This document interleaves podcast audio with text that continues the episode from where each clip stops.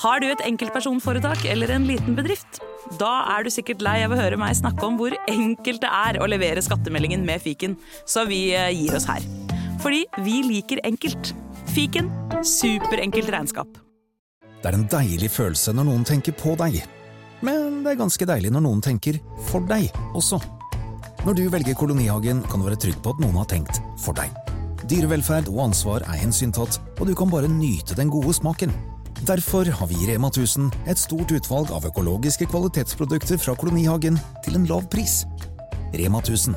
Det er sluttsummen på valgene vi tar, som teller.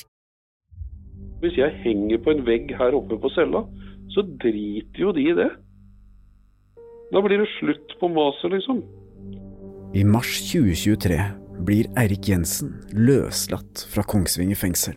Narkotika- og korrupsjonsdømte Eirik Jensen er midlertidig løslatt fra fengsel av helsemessige årsaker. Men har sannheten om Jensens soningsavbrudd kommet ut i offentligheten? Jeg er eh, helt sikker på at uh, han, har kommet med ting som uh, politiet ikke ønsker skal komme ut. Hør nye episoder i serien Eirik Jensen, 'Mannen i grått', eksklusivt hos Podme. Så vi snakker altså om et politisystem som er gjennomsyra kriminelt.